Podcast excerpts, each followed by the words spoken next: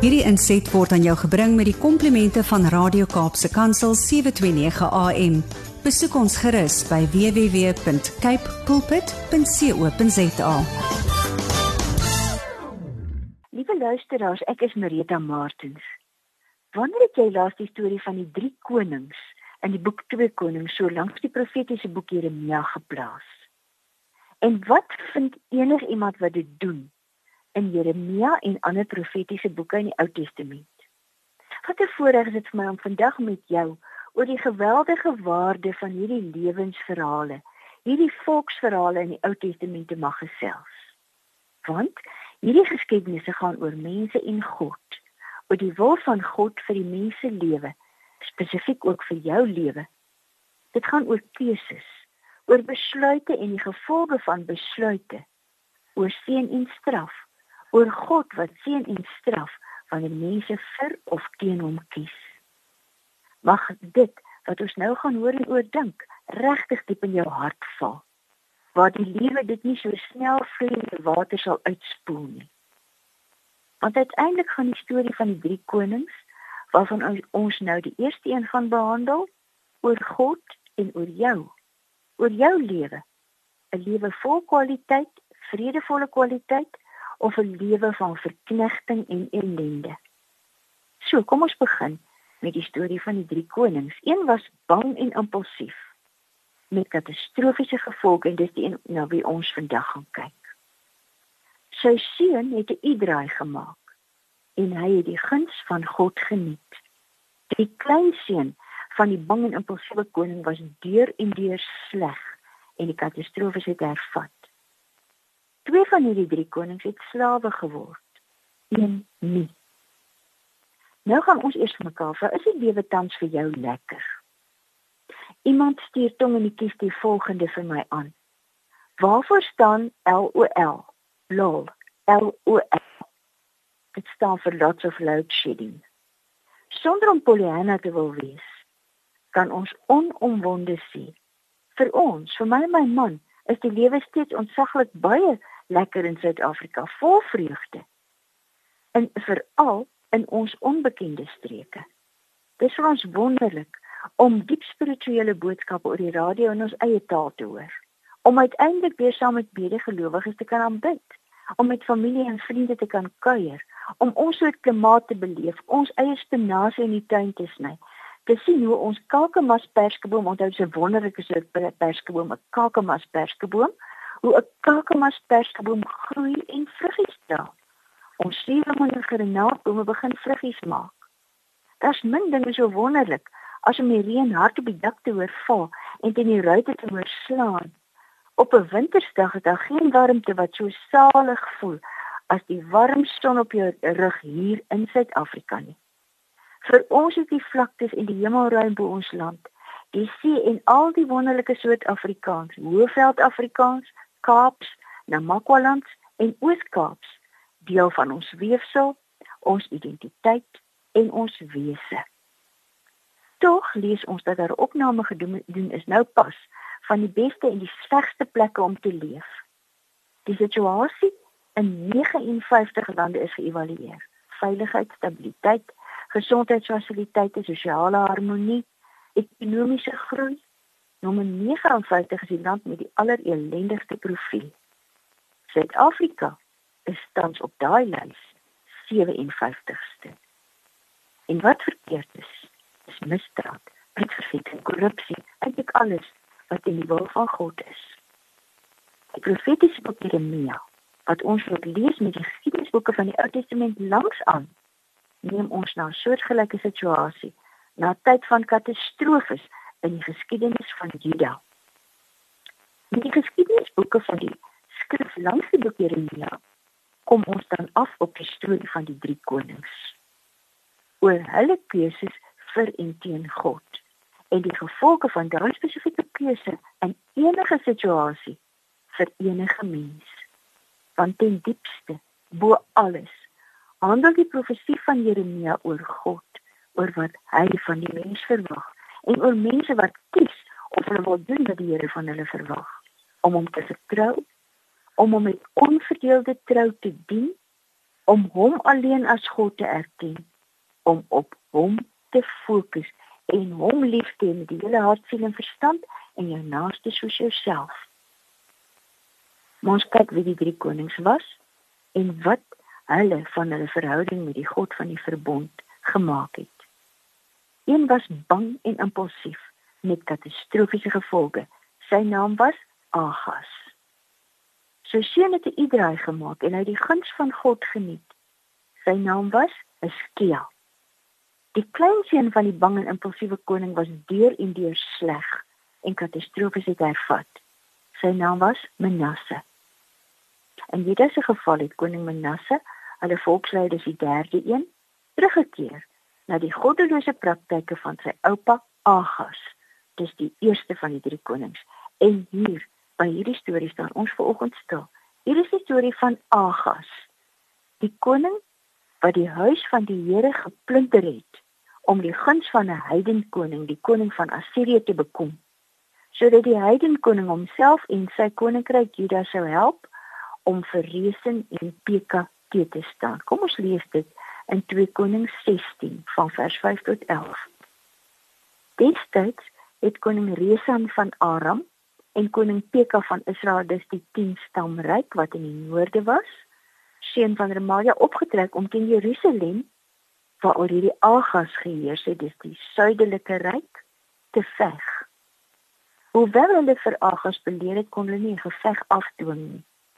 In daardie tyd het koning Resen van Aram die stad Elat van Aram herower en die Judeërs daaruit verdryf. Arameërs het in Elat ingetrek en woon tot vandag met ander woorde die tyd toe die boek Jeremia geskryf is nog daar. Toe stuur Agas 'n boodskap dis na die koning van Juda, na koning Tiglat-Pileser van Assirië. Ek is onderdaan en u seun. Met ander woorde, ek onderwerp my aan u, die koning van Assirië. Ek is soos 'n seun vir sy vader, vir u, die koning van Assirië.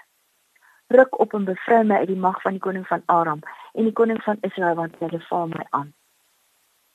Agas het die silwer en die goud wat in die huis van die Here en in die skatkamers van die paleis was, gevat en as geskenk aan die koning van Assirië gestuur. Hoekom? Om sy gunste te wen en op te dok vir hulp van mense, nie die hulp van die Allerhoogste God nie. Die koning van Assirië het aan sy versoek voldoen, hy moes nou betaal. Hy moes nou 'n omkoopgeskenk gekry en teen Damaskus die hoofstad van Aram opgetrek uit die stad verower en die bevolking na Kir toe bygevoer, verrees in die koning van Aram het hy doodgemaak. Koning Agas van Juda, dis daai koning, die eerste van die drie konings, koning Agas van Juda wat die tempel van die Here in Jerusalem geplunder het om deur 'n aardse koning beskerm te word, het daarna na Damaskus toe gegaan om vir koning Tiglat-Pileser van Assirië te gaan ontmoet. Nadat Agas 'n altaar gesien het wat daar in Damaskus gestaan het, dis 'n dis 'n af uh, afgodsaltaar het hy aan die priester Elia afbeelding en 'n model daarvan gestuur om dit getrou na te maak. Die priester Elia het die altaar gebou in ooreenstemming met koning Agas se aanwysings uit Damaskus. Die priester Elia het dit presies so gemaak nog voordat die koning uit Damaskus aangekom het. Nou, dit was in daardie tyd van die konings van vasalstate verwag om erkenning te gee aan die gode van die konings aan wie hulle hulle onderwerp het.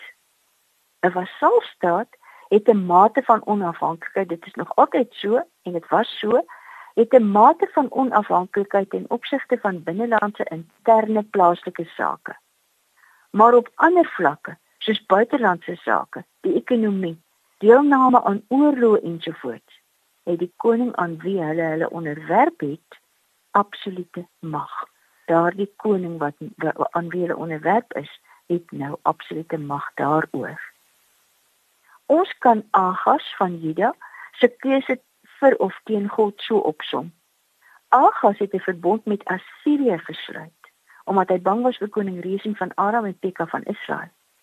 Resen en Pekah wou hê dat Agas ook by hulle koalisie moes aansluit. Agas wou nie en het hom met die hele Juda waaroor hy koning was teen die wil van die Here aan die Assiriese koning Tiglat-Pileser onderwerp. Tiglat-Pileser was nou juis die koning teen wie Resen en PK 'n koalisie gevorm het. Agas het met ander woorde na elke moontlike opsie in die antieke wêreld gekyk vir sy en sy land se stoffelike behoud. So kan ons natuurlik ook kies om te doen. Maar die God van hemel en aarde sê in die boek Jeremia. Jeremia 2 van vers 10 tot 17. Gaan na die Keteer eiland toe, eilande toe en kyk 'n bietjie. Stuur boodskappers na Kedar toe en dink goed na. Het daar al ooit so iets gebeur dat 'n nasie sy gode verruil het, selfs al was hulle geen gode nie? Met ander woorde, heidene nasie verruil hulle hulle gode vir iets anders. Maar my volk het my, hulle magtige God verruil vir gode wat nie kan help nie. Selfs die hemel moet al verskrik en beef en sidder sê die Here. My volk het twee sondes begaan. Hulle het my die bron van lewende water verlaat en hulle het vir hulle waterbakke 'n klip gekap. Waterbakke wat gebars is en nie water hou nie. Wat God eintlik vir hulle sê is, want dis die beeld van die waterbakke wat vol is en lek. Ek kom vir julle alles vergeet wat julle nodig het. Die oorwinning, die manifestasie van my almag, diep innerlike vrede en blydskap, 'n lewe wat totaal anders is as die soort bestaan wat julle nou vir julleself op die hals gehaal het. Ek gaan die skriflesing voort. Het Israel 'n slaaf geword? Of is hy 'n slaaf gebore? Waarom is hy dan buitgemaak? Waarom brul en grom die leeu's met ander woorde die magtige koninkryke so teen hom? Waarom is sy land verwoes en lê sy stede in puin sonder inwoners? Die manne van Memphis en Tahpenes met ander woorde in Egipte sal jou kop inslaan. Jy het dit self aangedoen omdat jy my die Here jou God verlaat het toe ek jou op jou pad gelei het. Ahas, die koning van Juda, het 'n slaaf geword. Sy meester was nie die Here God nie. Is dit nie verskriklik nie? Ons lees eintlik nie geskiedenis hier nie. Ons word eintlik gekonfronteer met ons keuses wat ons keuses vir God is. Ons moet hierdie dinge lees sodat ons kan dink en kan kies. Want in die lewe op aarde het elke enkele keuse gevolge. God wys vir ons wat die vreeslikste gevolge van dwaase keuses kan wees. Dat ons slawe word van dit waarmee ons heel. Slawe vir ons, ons is nie slawe nie. Niks is vir ons belangriker as vryheid van spraak, assosiasie en al die dinge wat ons in ons grondwet het nie. Ons word daardeur verskans slawe ja, sê Jesus in die Nuwe Testament. En almal is slawe totdat die bevryder jou vrymaak. Totdat ons na die bevryder gaan om die kettinge en boeye af te haal. Johannes 18 hier praat Jesus. In hierdie laaste dae praat God met ons deur sy seun. Toe sê Jesus vir die Jode wat in hom glo: As julle aan my woorde getrou bly, julle waarlik my disippels, en julle sal die waarheid ken en die waarheid sal julle vrymaak. Hulle het hom geantwoord: Ons is die nageslag van Abraham en was nog nooit iemand se slawe nie. Hoe kan jy sê julle sal vry word? Nou ja, hierdie mense se geheue was regtig kort. Ons lees dan van die Babiloniese ballingskap. Ons lees dan hier wat in die boek Jeremia gebeur.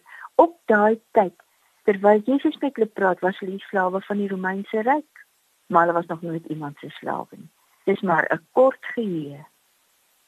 Jesus sê toe vir hulle: Ek verseker julle, elkeen wat sonde doen, is 'n slaaf van die sonde. 'n Slaaf bly nie vir altyd by die huis as 'n seun bly vir altyd. Eers as die seun julle vry maak, sal julle waarlik vry wees.